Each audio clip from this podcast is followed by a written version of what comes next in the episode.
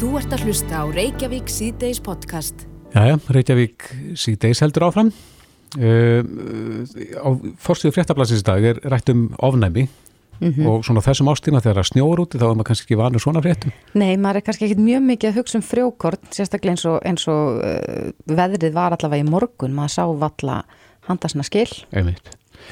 En uh, samkvæmt nýri rannsókn náttúrufræðistofnunar þá hefur frjókortnum fjölgað á Íslandi og þá hafa nýja tegundu frjókortna bæst við frá Evrópu. Þetta segir í fréttinni í fréttablaðinu. Ég held að sé þekki allir einhvern sem er með ónami og þetta getur verið mjög kvimleitt sko þegar að frjókortin byrja að láta sig kræla að, að sko þurfa að bara ganga um með púst eða þurfa að taka ofnæmislif áður en maður fer út í náttúruna. Einmitt. En við eigum haugu horni þegar það kemur að ofnæmi. Yrsa Löfi, ofnæmisleiknir er á línunni, kom til sæl. Komið sæl?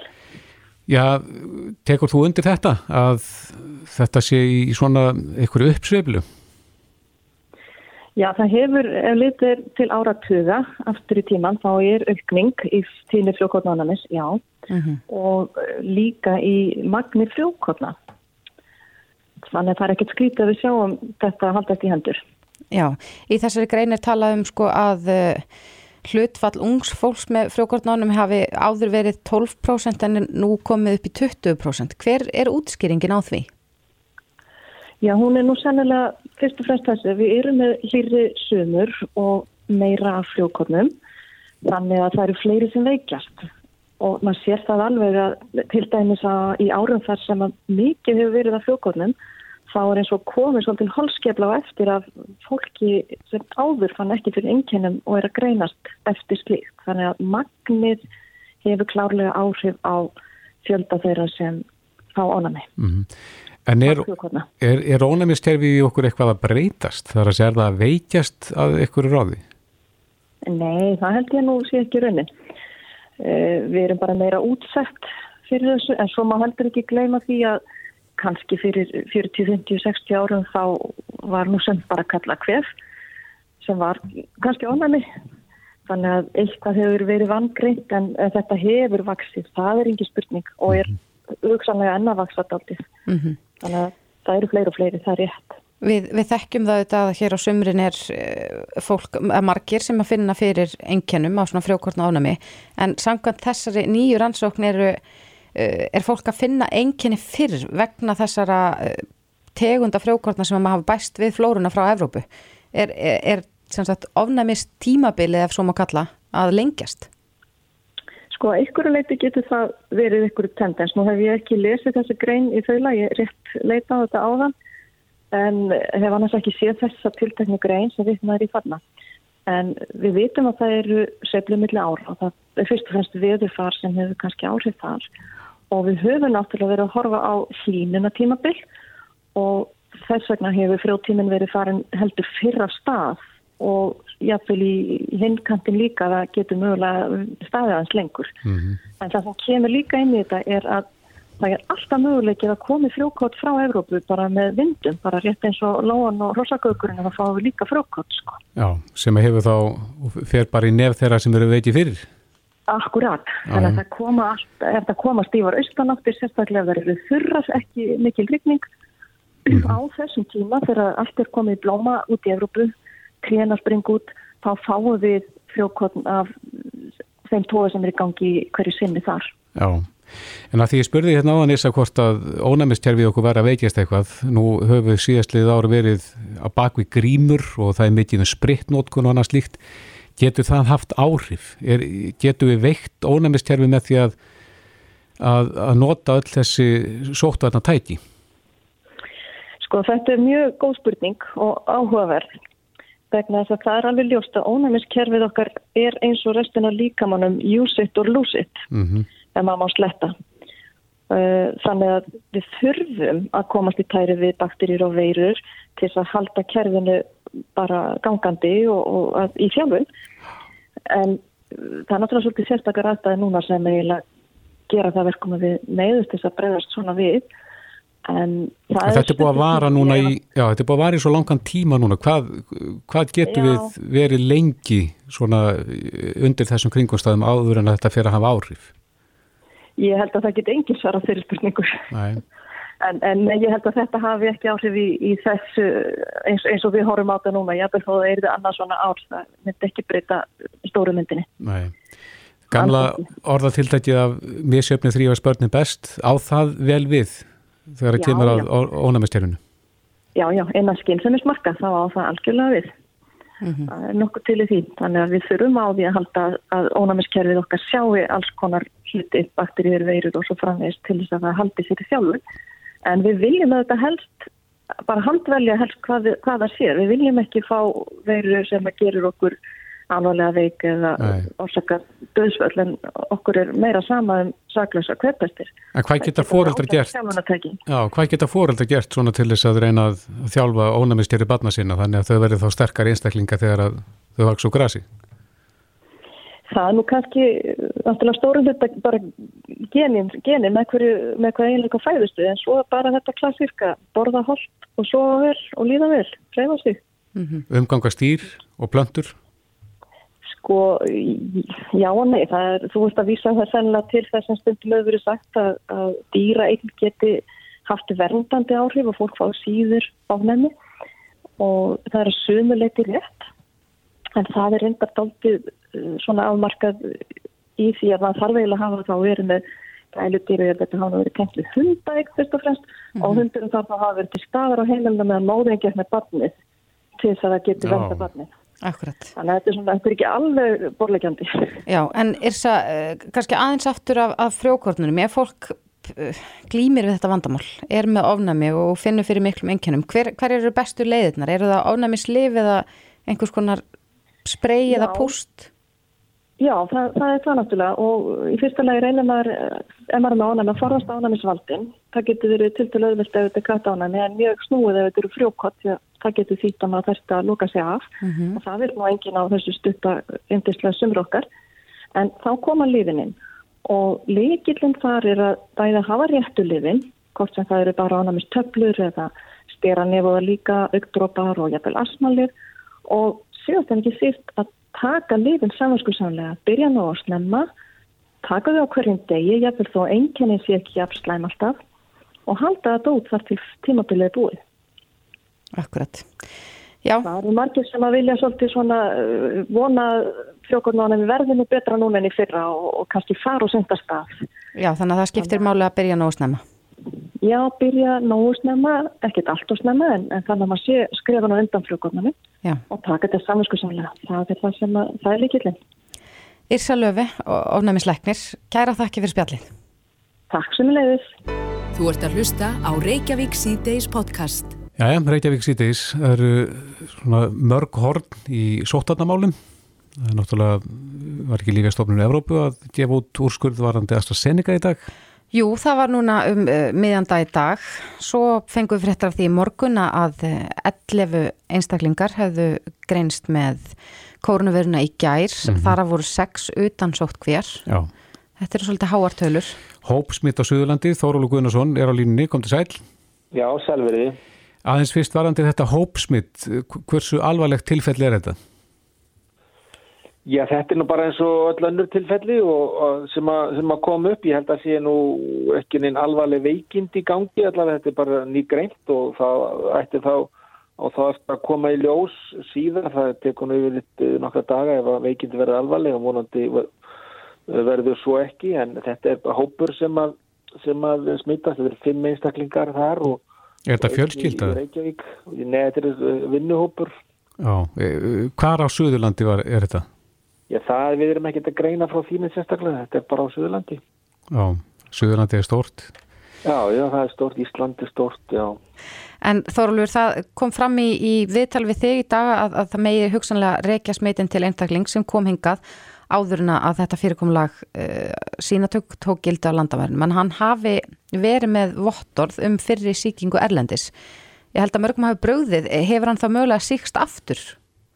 Já, það er það sem við verum að reyna að fá botni í og, og ræðgreining getur hjálpa okkur með það og við verum að býja til niðurstöðum úr því og þetta er bara mjög áhugavert. Við vitum náttúrulega að, að það getur verið að fólk sem að, sem að hefur veikst að COVID að það gætu hugsanlega að smittast aftur. Það er bara mjög fátítt þannig að menn hafa að tala um að þessi langt innan við 1% sem sem menn er að sjá slíkt og þetta gæti verið um eitthvað svoleiðis að ræða en, en það verður bara illa að koma í ljós, þetta er bara mjög áhugavert að sjá og, og svo fer þetta líka eftir hvaða afbreyða veirunni þarna gæti verið og svo framvið þannig að þetta er bara mjög, verður mjög frólægt að, að sjá kemur út úr þessu. Er gengið skuggum það að, að maðurinn hafi í raun og veru síkst að, að þessi vottor séu uh, gild?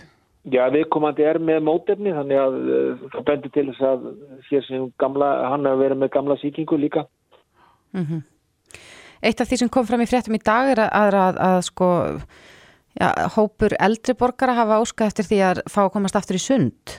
Uh, og Þórun Sveinbjörnsdóttir formaða landsambands eldri borgara segir að góða hugmynda að hleypa eins og hún segir gráa hernum uh, aftur í sund. Og það núna erum við búin að bólusetja þó nokkuð marga. Sér þið fyrir þér að það gæti verið liðkað til fyrir þeim hópum sem hafa nú þegar þegið bólusetningu? Já, við höfum ekkert verið að skoða það neitt eh, sérstaklega. Við höfum ekki verið að fara í, út í það að vera með sér reglur fyrir þá sem eru bólusettur á þessu stígi málsins og, og það gæti bara verið mjög erfitt í framkvæmt. Það hefur verið reynd í sumstaðar Erlendi sem menn hafa lendið í vandraðum. Ég heirti kollegum mínum í Evrópu með það og ég er ekki endilega viss, vissum að á þessu stíi munum við fara, fara út í það eins og við hefum reynd að vera með svona almennar, uh, almennar reglur og við hefum ekki verið undan, undan skilja uh, þá sem eru bólusetti eða þá sem hafa fengið COVID neitt sérstaklega. Það, það getur verið mjög erfitt í, í framkvæmt og verið mjög erfitt að hafa eftirlit með því og svo framvegð þannig að, þannig að uh, ég er ekki vissum að það, það sé svo sko auðvelt að, að, að gera slíkt. Mæ.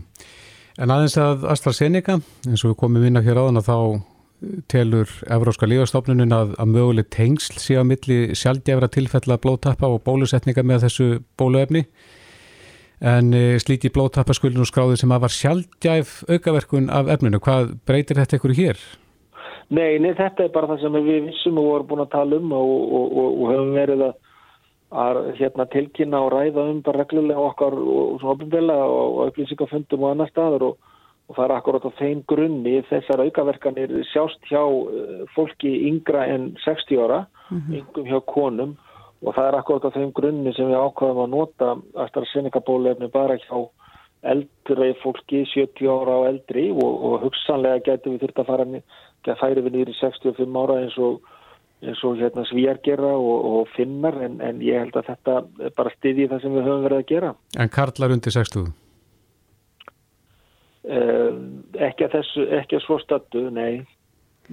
Nei, það er nú svolítið langt lið síðan að við rættum við þig síðast Þórulur það var fyrir páska þannig að það er ímis málefn sem viljum ræða við þig en no, nú er okay. mál sótvornarhóteluna í meðferð, eh, í meðferð í landsetti mm, og já. við búist við niðurstöðu svona síðar í dag. Erst þú vongóður eða bjart sín um það að, já, að þess að veri snúið við í landsetti eða þá að, að þingið muni taka þetta til sín og, og reyna að breyta sótvarnalögum þannig að þetta verði heimilt að skikka fólki í sótkví á hóteli? Ég, ég korki svar síðan á það. Ég bara tek því sem að kemur og og við sjáum bara til og, og hérna við erum með plön fyrir uh, hérna hvaða úrskurð sem er í þannig, þannig séð þannig að, þannig að það verður bara komið ljós Ef, ef að landsettur staðfestir uh, dóm hérastóms, hvaða, hvaða plan er þið með þá? Já þá verður við bara að reyna að finna uh, úrræði sem við teljum að virki til að til að uh, lámarka smitin í landi innan þess ramma sem við höfum, þess lagaramma sem við höfum en það er klárlega verri í kosturinn og ég tel að sóttvarnin mynd, myndi veikast við það verulega og það, það er við bara meður ef að svo er við. En, en fólk sem að hefur í húsa venda hér og getur klárað sóttkvína heima, af hverju viltu ekki að, að fólk gerir það? Af því að það, við höfum fengið sóttvarnabrót og smit út frá fólki sem hefur verið í heimahúsi. Mm -hmm. Munu sóttvarnar hótelin, eh, þessast hóteli áfram vera opið fyrir þá sem að kjósa að fara þangað? Já, allavega eins og staðan er núna, en þetta, við erum náttúrulega á krossgötum, þannig við vitum ekki nákvæmlega, við þurfum aðeins aðlaga okkur af því hver, hver niðurstaða domsins verður um, um áframhaldi. Þú, það er haft eftir inn á vísi.is að það sé slemt ef að pólitískur ágreiningur ríkir um nöðsynlega ræðgerðir? Já, sko, það var náttúrulega að horfa þetta í samingi. Frettamæðurinn segist að hafa hirt af pólitískum ágreiningi og, og, og fyrir að vitna ég eitthvað og ég, þá svara ég því að til að það sé slæmt ef að pólitískur ágreiningur sé komin. Ég er ekki að segja að það sé pólitískur ágreiningur en, en þetta var fullurinn frettamæðins og ég var bara að svara því. Já, eitt, eitt að lokum kannski þú, það kom tilkynning frá þér í daginn á eh, vef embættis landlæknis þar sem þú ítrekkar þær ráðleggingar að, eh, að fólk sé ekki að ferðast að nöðsynja lausu Tiluru tilöfni, er tilöfni til þess að vera ítrekka þetta? Við heyrðum nú bara hérna í bítinu morgun að fólk flikkist, flikkist til Tenerife Já, ég, mér finnst fullt tilöfni til að gera það það verður ekkit, ekkit breyst eins og staðan er núna. Við verðum með mikla útbreyslu á sjúkdónum uh, erlendis og, og, hérna, og það er svona ákveðin uh, þó að við teljum að bólusettir séu í góðum málum og þá er ímestett eins uh, og ósvaraði sambandi við bólusetninga þannig eins og staðan er núna að þá tel ég, myndi ég ráðleika fólki að vera ekkert að ferðast mikið erlendis. Mm. Það, það er, er ráðleikinn að gilda áfram frá mér einhver ríki hafa nú bara gefið út reglur þess efnis að ferðalög sem að, að nöðsynulegs ferðalög bara séu ekki heimil. Sér þið fyrir að það gæti verið gert hér? Nei, ég held nú ekki. Við höfum ekki verið að fara í slík, slíkar harðar sko, aðgerðir eða bönn. Þannig að ég veit ekki hvort að það er heldur, ég meina ég vissum að það myndi margir gera aðtöðu og sendu við það og, og telja að það stæðist ekki í lög og svo framvegis og það er stóra aðgerð en ég er ekki réttir maður til að svara því í svolsér en það hefur ekkit verið huglegt alvarlega. Hefur eitthvað spáð í svona þegar að bólusetningum vindu fram og það er búið að bólusetja viðkvæmistu hópan að það megi þá slaka meira á sóturnum?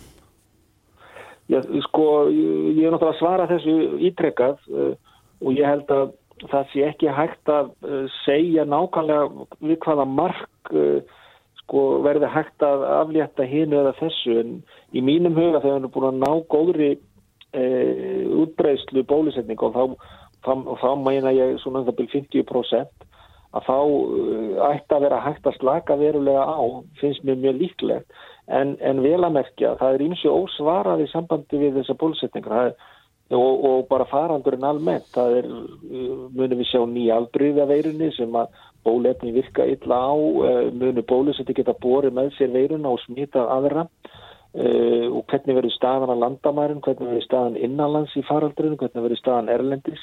Þannig að það eru fjöldamörg atrið sem að þarf að taka til þess vegna getur maður ekki sagt uh, hvað gerist á tilteknum tímapunkti en auðvitað erum við að horfa fram á það að með aukinni þáttöku í bólusetningum þá getur við slakað á. Og það er, það er náttúrulega tilgangunum með bólusetningunum og, og hérna og það mun vonandi ganga eftir og, en ég held þetta verði svona hægur prósess eh, fram á sumar eða er allt gengur eins vel eins og lítur út fyrir með, með bólusetningar að þá ætti þetta geta gengi bara nokkuð vel nefnum eitthvað að þessi komi upp á sem ég var að tala um aðan en við verðum að vera viðbúin bara alls konar upp á komum í þessu.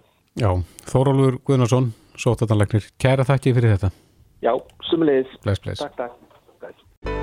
Hlustaðu hvena sem er á Reykjavík C-Days podcast. Jæja, Reykjavík C-Days, það er hellirinn að fjör en þá eh, á gósstöðunum. Já, það myndaðist ný sprunga eh, um minnetti í gerðkvöldi og þetta er, sprungan er á milli upprannlega gossins í mm -hmm. Geldingadölum og þess nýja í Meradölum. Já, þannig að þetta er svolítið kvikt svæði. Já, alltaf sé að tengjast. Það er spurning. Þetta er allavega, það er mikið í gangi mm -hmm. og við vitum það að uh, lauruglan og, og vísundamenn og aðri sérfræðingar ætla að funda í dag þar sem tekin er þið ákverðun um aðgengi að, góðstöðunum en uh, þær hafa verið lokaðar fyrir, fyrir almenningi. Mm -hmm. Á línun hjá okkur er Hjálmar Hallgrímsson, vettvangsstjóri hjá lauruglan á Suðunisum. Kom til sæl. Já, komið til sæl. Ja, hver er staðan núna eh, hjá ykkur þarna á Reykjanesunni? Er stefnið í það að opna aftur fyrir almenning? Já, það er svo sem opið í dag.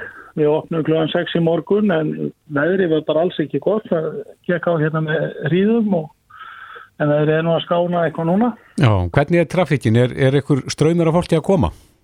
Nei, það hefur búið að vera mjög rólið til morgun. Það voru einhverjir garðvaski sem áður þarna upp og, og það er búið að vera mjög rólegt en veðrið er að skána þannig að við búumst alveg svið í að það bæti eitthvað í mannskap sem að við fara upp yfir í dag. Já, en er svæði tryggt?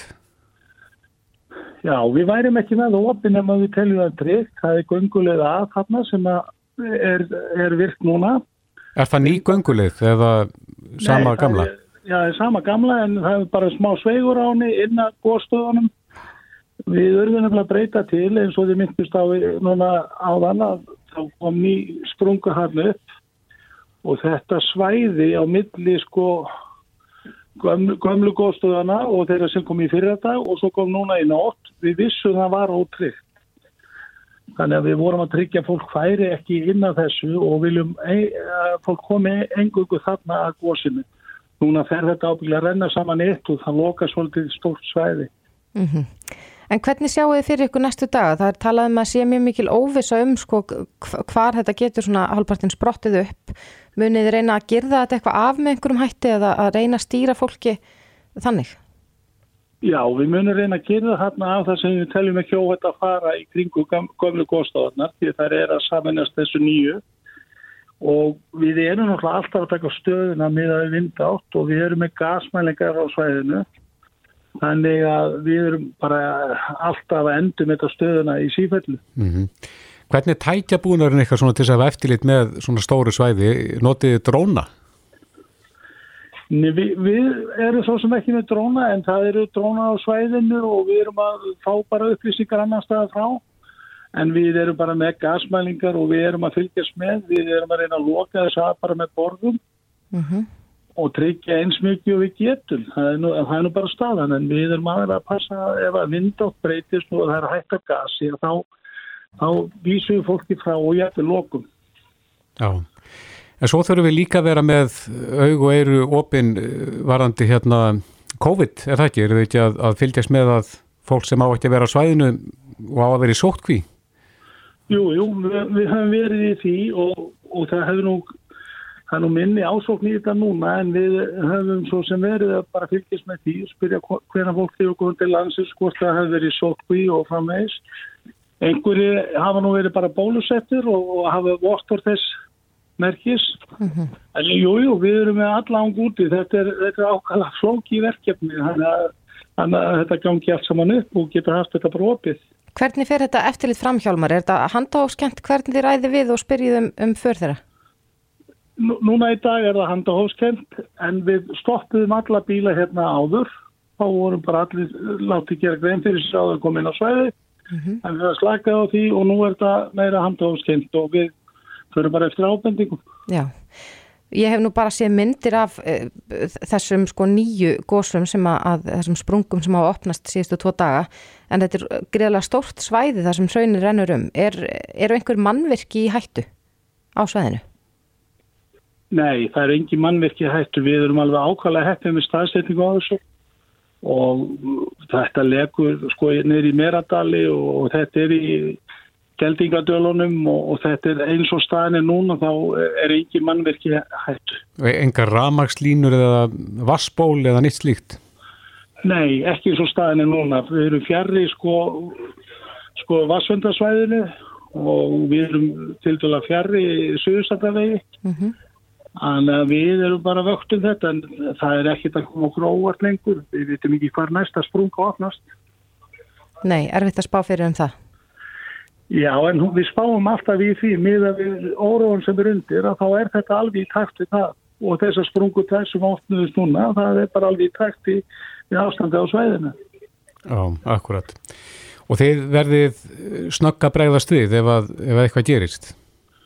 Já, já, við, við erum alveg með puttun á, á púlsinu og hérna bara leið að gerist eitthvað nýtt og ef við teljum að fólk sé hættu, mm -hmm. þá lokum við.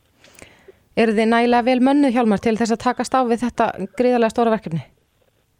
En við erum það eins og er. Við ætluðum nú að slaka eins og við erum búin að eftir páska en þá gerðist þessi atbyrðir.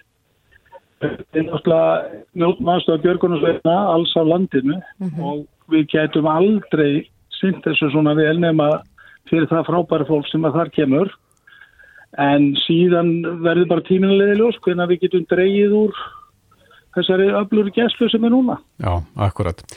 Við segjum bara gangi ykkur vel með þetta reysavaksna verkefni. Hjálmar Hallgrímsson, vettánstjóri hjá Lauruglun og Suðunisum. Takk fyrir spjallið. Já, takk fyrir. Reykjavík síðdeis á bylginni. Það er ekki farið fremur neinum að það er kostningár Nei, svo sannarlega ekki. og menn svona farnir að, að brína sverðin hér og þar og, og skilja sig frá samherjum jafnvel. En e, það var nú flesti tekið eftir svona pínu olgu á stjórnar heimilinu, sérstaklega núna í þessum síðustu vendingu þegar það kemur að sóttvörnum. Já, það er mikil óeining sko bara yfir höfuð um næstu skref innan þingsins út af þessum, þessum máli sóttvarnarhótela en, en málið er núna til meðferðar í landsrétti. Já, og uh, Þóralu Gunnarsson, sóttvarnarleikni, hefur nú sagt að það sé óeppilegt ef að það sé pólitísk óeining varðandi sóttvarnir.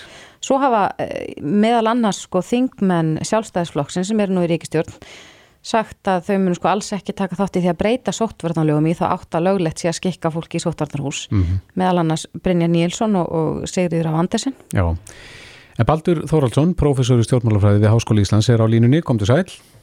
Komið þið sæl. Já, hvernig lest þú í stöðuna? Já, það virðist vera þannig að samstaða inn að þingi varðandi sóttvarnir er að bresta. Mm og maður líka spyr sig hvort að samstaðan innan stjórnaflokkana sé að bresta. Og sko það, það er rauninni margt að gerast í þessu. Með að að stjórnin tók það afstöðu síðisliði vor í fyrstu bylginni að fylgja alveg e, tilmælum sérfræðinga þá er, hefur stjórnurinn ákveð að gera það ekki lengur öllu leiti til dæmis varðandi opnun landamærana og sóttvarnarlækni hefur nú sagt að þau séu hribleg og hann sé ekki alveg sáttur við þá opnun sem stjórnin hefur ákveðið.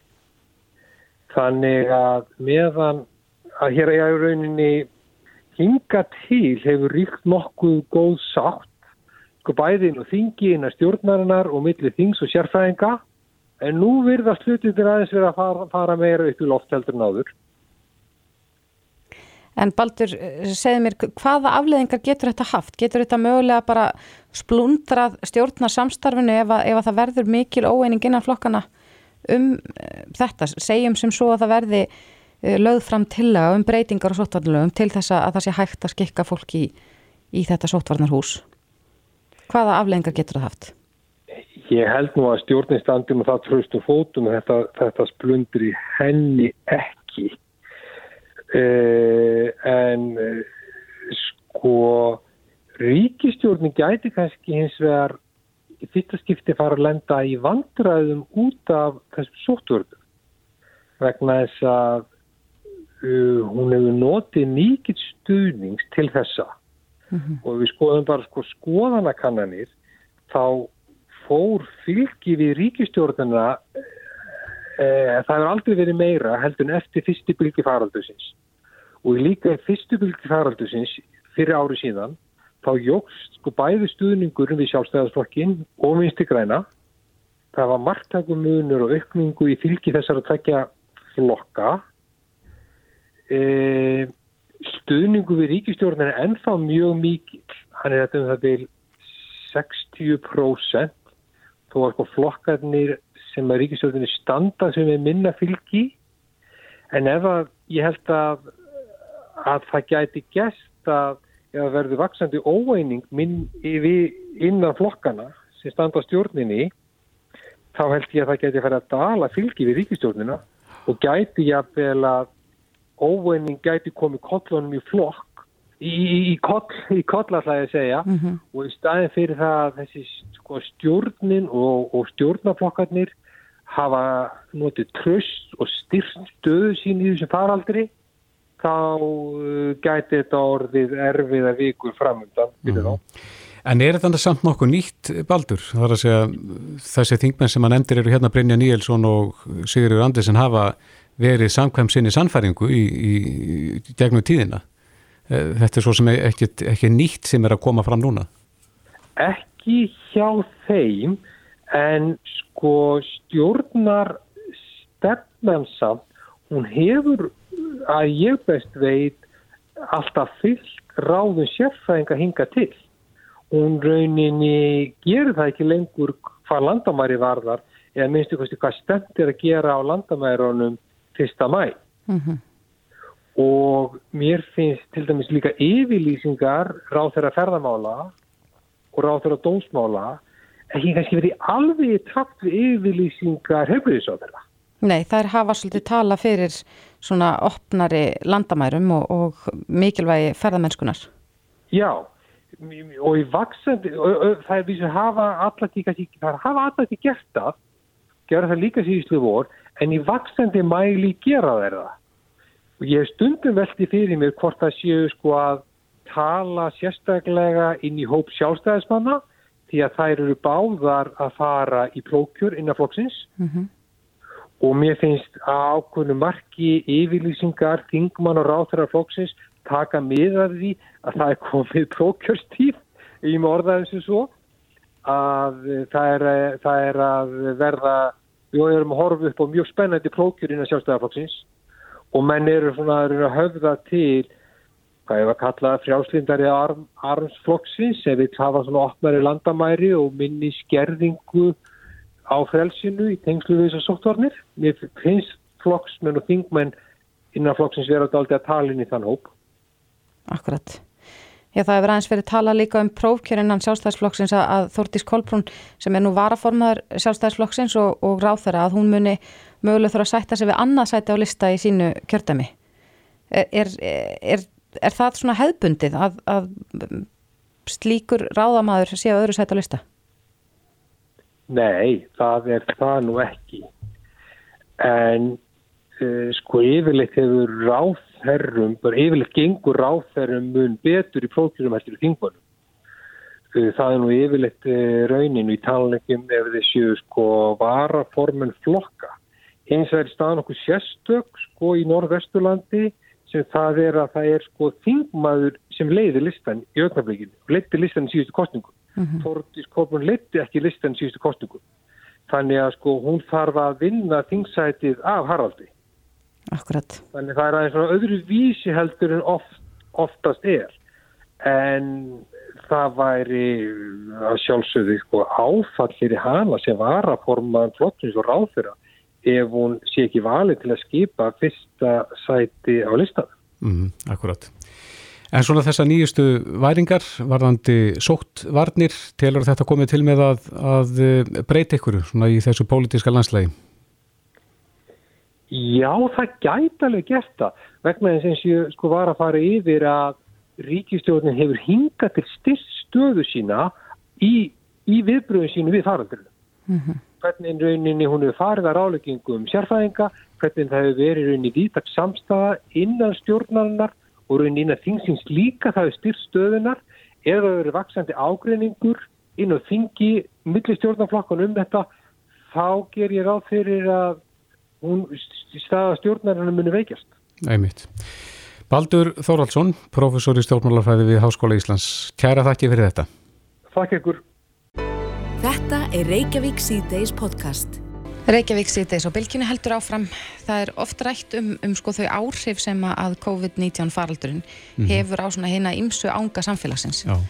En eitt af uh, því sem að, að, að svona hertar takmarkanir og, og kannski ótti fólks við veiruna hefur gerða verkum ára 2020 var að að vera færri letu aðtuga, eða sérst fóru til læknis og, og fóru í þá svona greiningaferðli með krabba minn. Já, þannig að það voru færri tilfelli krabbamenn að greinast vegna ástandsins. Já, þetta kom fram í, í grein sem byrtist í læknablaðinu en, en þar kemur fram að lækun á nýgengi krabbamenna fyrirpart ásins 2020 mm -hmm. megi svona rekja til COVID-19. Já, og svunni sem að lesa þessa fyrir sögna þeir telja þetta að vera góð sviti að það séu færri að greinast með krabbamenn. Akkurat. En e, þetta er ekki góða fréttir. Nei. Sem að vantarlega fleiri þá ganga að núti ógreindir. Akkurat. Á eh, línunni hjá okkur er Laufveit Tryggvadóttir, faraldsfræðingur og einn af eh, höfundum greinarinnar. Kom til sælaufi. Já, komiði sæluflæsin. Er það ekki rétt meti hjá okkur að það eru líklega ekki góðar fréttir að nýgengi krabbameina hafi verið minna þarna í upphafi ást 2020? Um, já, það leiti ekki sérstaklega vel út af því að þá, þá var óttið um að við værum að greina, að það væri að fresta greiningar á fólki sem þyrta að fá, komast strax í meðferð. Og, og þannig hefur við séð að þetta, hefur, þetta er tilfelli í nákvæmlega löndunum, bæða Norðurlöndunum og á Breitlandi.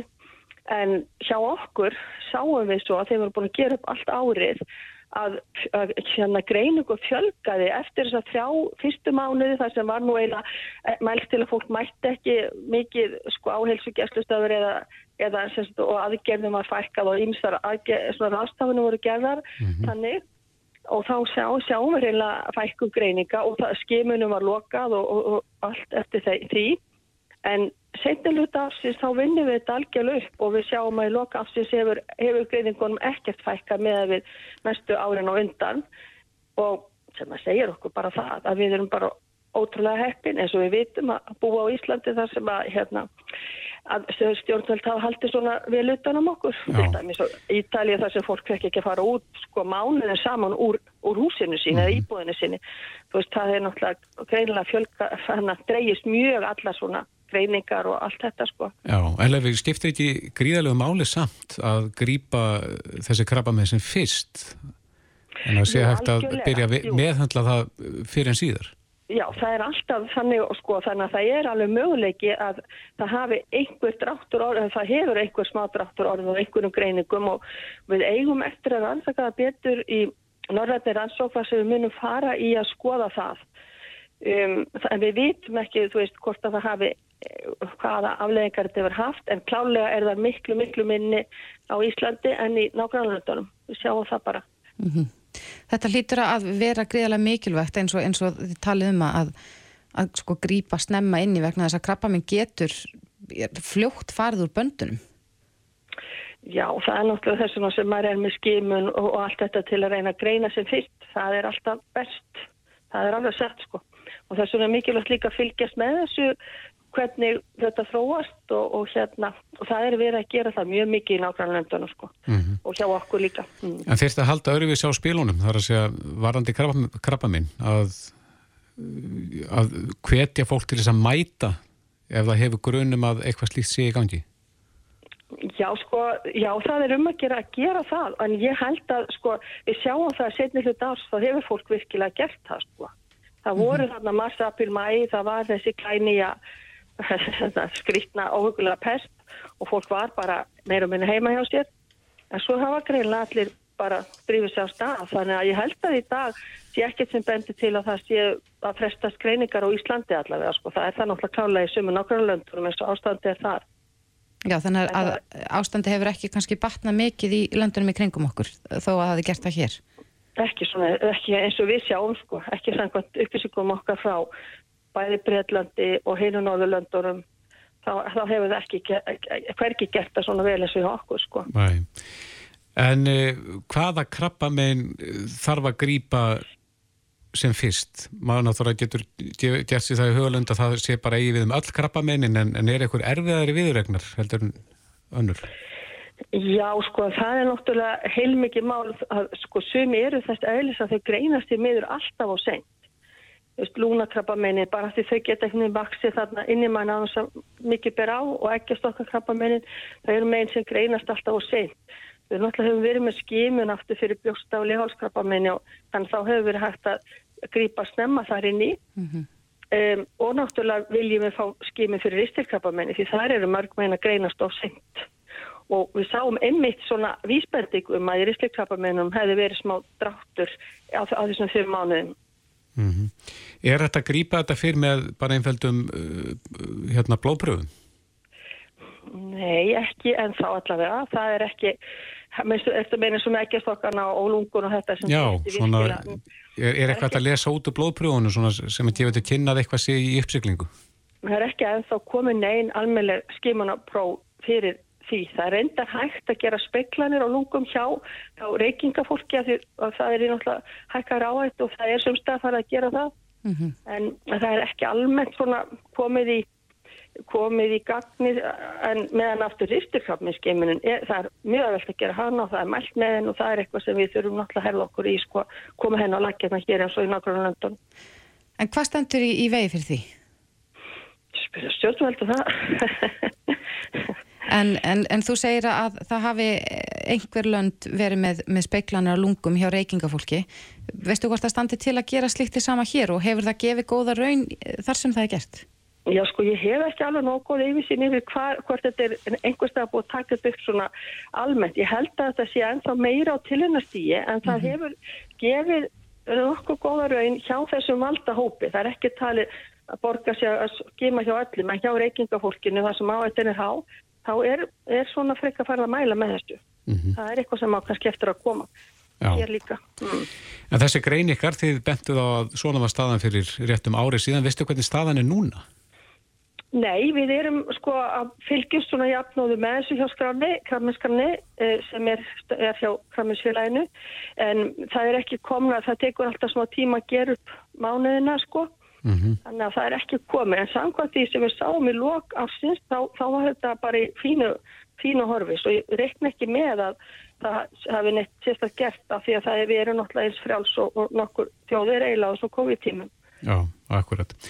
Laufey Tryggvadóttir, faraldsfræðingur, kæra þakki fyrir þetta. Já, takk sem við leiðis. Reykjavík síðdeis og bylginni heldur á. Reykjavík síðdeis á bylginni podcast. Reykjavík síðdeis á bylginni heldur áfram. Uh, núnum helgina þá hófst nýr, ný þáttaröð á stöð 2 sem ber heitið Vegferð. Og þar eru tveir þekktir leikarar sem að fara með aðhlutverk en þetta eru Vikingur Kristjánsson og Ólafur Darri Ólafsson. En leikstjóri þáttana er Baldvin Seta sem hefur nú tekið að sér fjölmörg verkefni.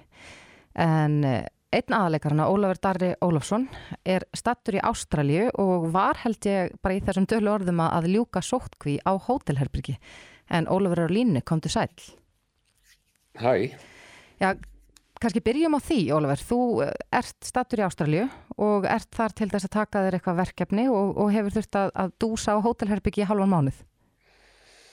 Já, ég hennar uh, ég sá ekkert af Sydney meir en það að ég sérst, kom úr flugvél, uh, fór upp í rútu, umkringdur lauruglumönnum og í lauruglufyllt á hótel í tver vikur og, og fór svo bara beint aftur út á flugvél og flög til Adelaide þar sem að ég var að koma í dag. Mm -hmm.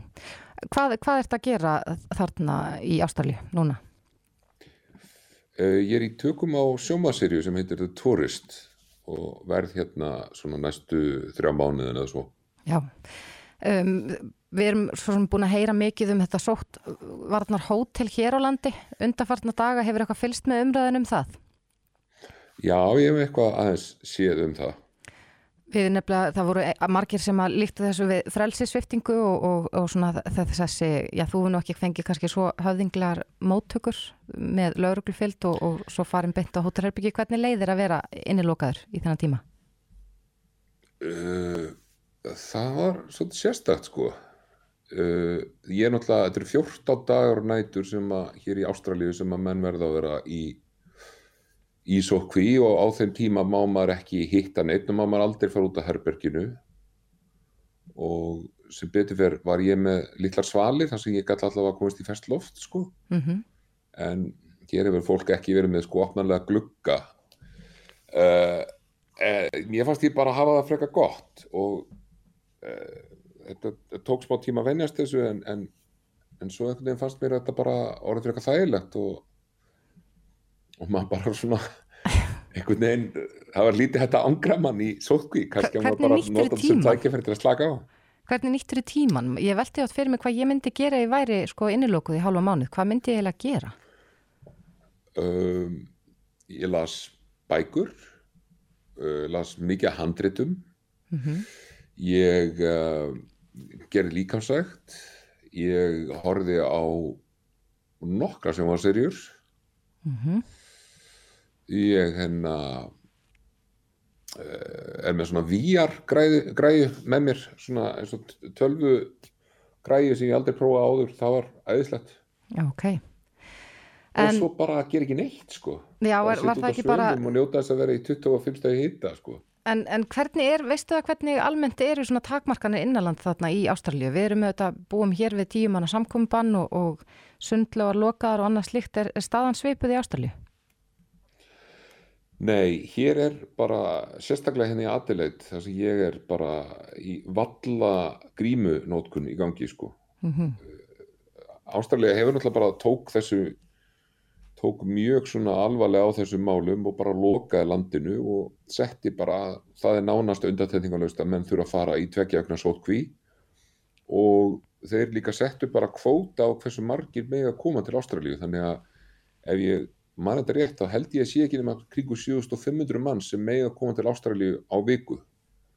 Og það er náttúrulega mjög lítið í landi sem að telur sko held ég 20-30 miljón mann sko.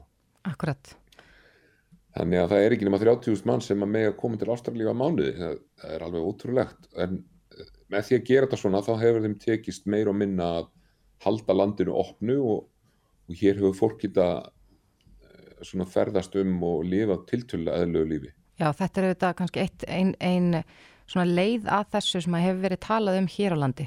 Hvort að þetta væri góð leið eða ekki fyrir okkur að fara? Sko það eina sem ég myndi segja bara, sem er bara mitt álut og ég ætla ekki að segja að, að leiðin hérna í Ástralíu sé betri að verri en heim á Íslandi. Ég þekki það ekki nógu vel. En, en mér finnst allavega mjög mikið að menn passi upp á það að það sé allavega svona, að við fáum svona nasa eh, þefin að því sem að sumarði í fyrra var heim á Íslandi. Þannig að hann var tveggja, tveggja hálsmána tíðanbíl þar sem að eh, hlutin voru tiltulla eðlilegir og maður gatferðast um og, og farið út að borða og ferðast um landið og, og mér finnst mjög sorglegt ef að, ef við komum okkur ekki í þeirra aðstæða við getum gert það svona eins mikið og hægt er allavega. Akkurat, við vorum svona aðeins farin að sjá glitta í þannig tíma áðurna að eh, öllu var skellt í lásaftur? Sko, þegar við tókum, við vorum alveg ofbóðslega heppnir eh, og heppin þegar við vorum að skjóta vegferð uh, því að við hérna vorum bara að ferðast um vestfyrði og það var engin grímuskylda og, og það var hægt að fara út að borða og, og við bara lifðum mjög eðlulegu lífi vorum með tvo danskar leikara sem að uh, akkurat daginn áður en að þeir átt að koma þá var fór Danmörk á grænan lista og þar alveg komu þeir og voru í tökum í einn dag og fóru svo bara aftur til Danmörkus mm -hmm. þurfti ekki að fara í neina sókví. En svo náttúrulega bara eins og við hefum séð svo þarf ekkert mikið til. Það er eitt smitt og svo 6 og svo 10 og svo 20 og svo 40 skilur þannig að það er bara veist og ég skil og auðvitað ég skil, maður skilur alla hliðar ég menna auðvitað eru menn bara að reyna að reyka fyrirtæki og og ferðarþjónustan er náttúrulega bara það er mjög blóðut að geta ekki verið með fullt af túristum núna að skoða þetta frá bara gós mm -hmm. og henn ég skil það bara mjög vel að þetta sé erfið tíma sko. Já, en Ólafur segð okkur aðeins frá vekkferð þættirnir eh, hófu göngu sína á stöðfu núna síðastlegin sunnudag hvað er þetta margir Já. þættir í þáttaröðinni? Þetta eru sex þættir mm -hmm. sex hálftíma þættir og uh, svona uh, fjalla gróflega um okkur óhafnabræður, mig og Viking uh, við allavega leikum personur sem að heita Ólafur Darri og Vikingur en við erum satt ekki alveg að leika okkur. Allavega ég vona að ég sé ekki svona ömurleg týpa eins og ég er í þessum þáttum. Vikingur skrifaði handreiti þannig að heldur hann að vera með þig sem fyrirmynd að þessum karakter. Sko, já, já, við, þú veist, það var alltaf um það að tala að við myndum hennar Eh, leika okkur sjálfa innan gæsalappa. Mm -hmm. en eins og vikingur bendi mér nefnt hana og hann sagði að hann hefði nú svolítið lagt að í mínar hendur hversu mikill mikill hérna bara dóni og ömur ömurlegu gaur ég yrði í þessari sériu og ég bara tók því fagnandi mér finnst það úrgæðlega gaman að fá að vera ömurlegur gaur. Þannig að ég þurfti ekkert að ekkert að kafa mjög djúft til að finna þann Nei, ekki mikill leikarskapur Já, ekki þannig. Og ég og Vikingur náttúrulega höfum nöldraði hverjum öðrum síðan við kynntumst fyrst þannig að það er mjög eðlislegt mér að, að nöldra í Vikingi Já, en þið eru þarna á vekkferð um uh, vestfyrði í þáttaröðinni. Og, og þetta breytist uh, óvænt kannski í þetta átt að vera eitthvað svona vinaferði það ekki? En síðan verður þetta mikið uppgjur Jú. ykkar að milli Þetta áirun að vera eitthvað svona Ólafur Darri sem er alltaf að vinna óbúslega mikið að fara með vikingi í svona afslöpunarferð út á land mm -hmm.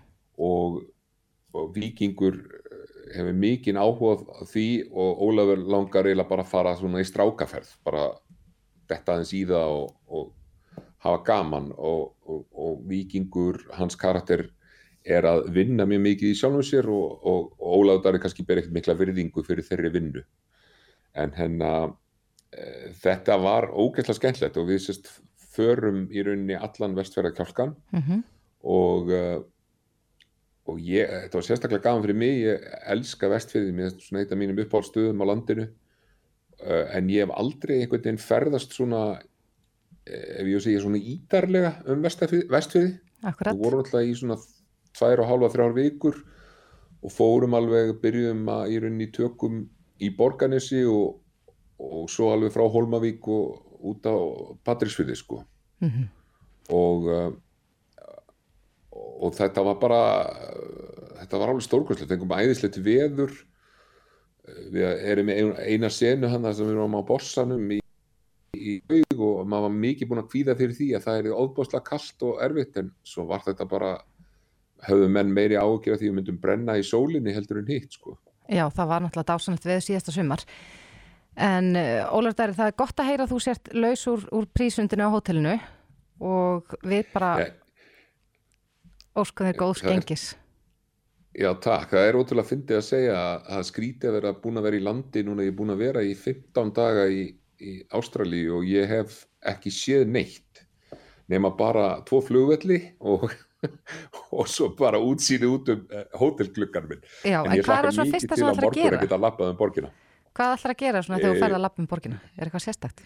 Ég ætla að mæti vinna í fyrramálið og upp úr hátíðin er ég búin í vinni og þá ætlaði ég bara að fara að lappa nýra strönd mér skilst að strandirnar hefði séu dásamlegar og ég langar mikið að dýfa tánum í, í sjóin Já, það hljómar dásamlega. Við hvetjum alla til þess að stilla á stöð 2 á sunnudum og fylgjast með vekkferð Ólafur, Ólafur Darri Ólafsson bestu kveðir til Ástrali Takk að kjæla fyrir. Takk fyrir.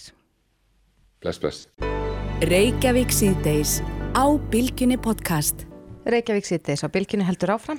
Það er einn fylgi fiskur eh, COVID-19 er að, að við fórum alltaf inn að versla miklu meira á netinu. Já, hafðu miklu meiri pening eitthvað sem við hefðum annars eitt í útlöndum, þetta var nú komið fram í hagtölum. Já og svo voru líka bara verslanir, margar hverjar mjög sniðuara, það voru margir farnir að bjóða upp á heimsendingu, maður, ég, ég kendi mömmu minni að, að sko kaupa í matin á netinu. Já.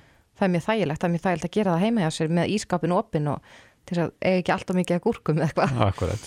En okkur leikur forvittna að vita hvort sko, við séum enna að kaupa svona mikið á netinu. Þetta var þannig í fyrstu og annari og mögulega þriðju bylginni. Mm -hmm. eh, en á línun hjá okkur er Telma Björk Vilsson, hún er framkvæmdastjóri þjónustu og notenda upplifunar hjá Heimkaup. Kom til sæl. Sæl, takk fyrir aðan mig. Já, hvernig er það? Er við ennþá svona duglega að kaupa á netinu eins og við vorum hérna í fyrstu bylgjunum?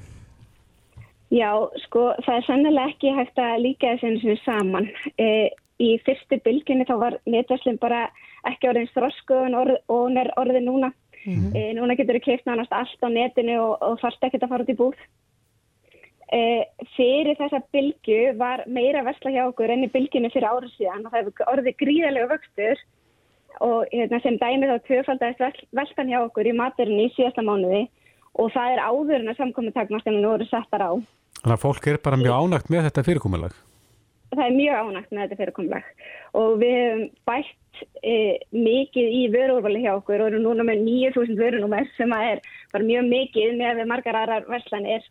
Og eins og við sáum kannski í fyrstu bylginni var að fólk var að kaupa mikið af púslum og spilum svona kannski sérti dagratvala en e, en fólk er núna bara mikið að kaupa bara maturu. Það er að kaupa það sama í matin og það kipti áður en að samkomi takkmarkaðinu voru settar á.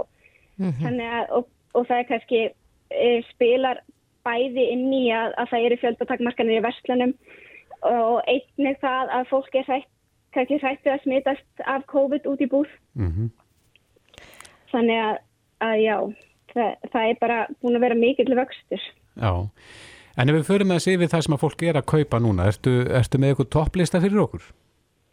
Sko, svona topplistar, ég held að hérna, topplistin væri sannlega bara hérna, mjölk og brauð og egg og paprika, sko. Þannig að það er, hérna, það er kannski engin engin svona spennandi hérna, topplisti en fólk er mikið að, að, e, að reyða sig á okkur í að hjálpa sér að, að hérna, að skipulegja fyrir þessi vikuna. Við erum með alls konar djóðum upp á, uh, við erum í samstarfið við áhrifavalda með uppskriftir, við erum að stinga upp á alls konar listum eins og uh, Taco Tuesday og, og Föstudagspítsunni og það hefur rókið út hjá okkur. Mm -hmm. En hefur hérna- heimköp þá svolítið farið úr því að vera, ég meina þetta var nú aðalega til, til þess að byrja með það sem keftir bara svona heimilsveru og gjafir og akkurat púsl og spil og leikfeng og þess að það. Já, einmitt. Við hefum verið að leggja mikla áherslu á, á matverðina hjá okkur og erum núna bara, e, viljum staðsetja okkur svona við hliðina á, á þessum stóru leikmunum e, á markanum eins og, eins og krónun og bónus. Krónan hefur verið til dæmis að gera rosalega góða hluti í, í nýsköpuna öðru sem okkur finnst alveg klárlega til eftirbreytni og, og bara mjög spennandi markaður sem við viljum vera bara öflugur um svona, slettir kontender á. Mm -hmm. En hvað með, ég raka auðin í það að þeir eru til dæmis að selja gardverkfæra, við töluðum nú við mann hérna hjá uh, húsarsmiðum daginn sem saði að allt slíkt væri reynilega út. Hafið þið tekið eftir svona einhverju aukningu í sölu á þeim munum að fólk sem er að ditta Já. heimilinu? Já, algjörlega, garðurur og, og grill og, og hérna og svona svo koma, fara sömarvörðunar að koma svolítið inn núna. Akkurat. En uh, þú segir að sé nú valla hægt að bera saman uh, ástandið núna og í, í fyrstu mm -hmm. bylginu vegna þess að þetta hefur breyst verulega mikið en, en þið sjáuð samt sem áður að fólk er ennþá mikið að versla í matin á já, netinu. Já, fólk er mikið að versla í matin á netinu og hérna e, eins og sko við sjáum náttúrulega að koma inn mikil bylgja af fólki sem að er að, er að versla við okkur núna í COVID og, og við viljum að sjálfsögðu þjónusta alla eins vel og við, mynd, og við myndum svo sannlega vilja. En eh, kannski smá áherslu breyting frá því síðast og núna er að, er að við viljum að okkar fastakunnar og þeir sem hafa vanist þessari góðu þjónustu frá okkur e, fái þessa þjónustu áfram og við hefum haldið, haldið þessum afhendingar hólfum opnum lengur fyrir okkar fastakunna uh mhm. -huh. og, hérna, e, og þannig að okkar fastakunnar getur panta og fengið afhend innan tvekja tíma. Já, þannig að það þarf ekki að býða lengi eftir að fá matin sendan heima dyrum. Nei. Já. Telma Björk Vilsson, frangvataðstjóri þjónustu og nótenda upplifunar hjá Heimkaup. Kæra þakki fyrir þetta. Kæra þakkir, takk fyrir að hafa mig. Þetta er Reykjavík C-Days podcast.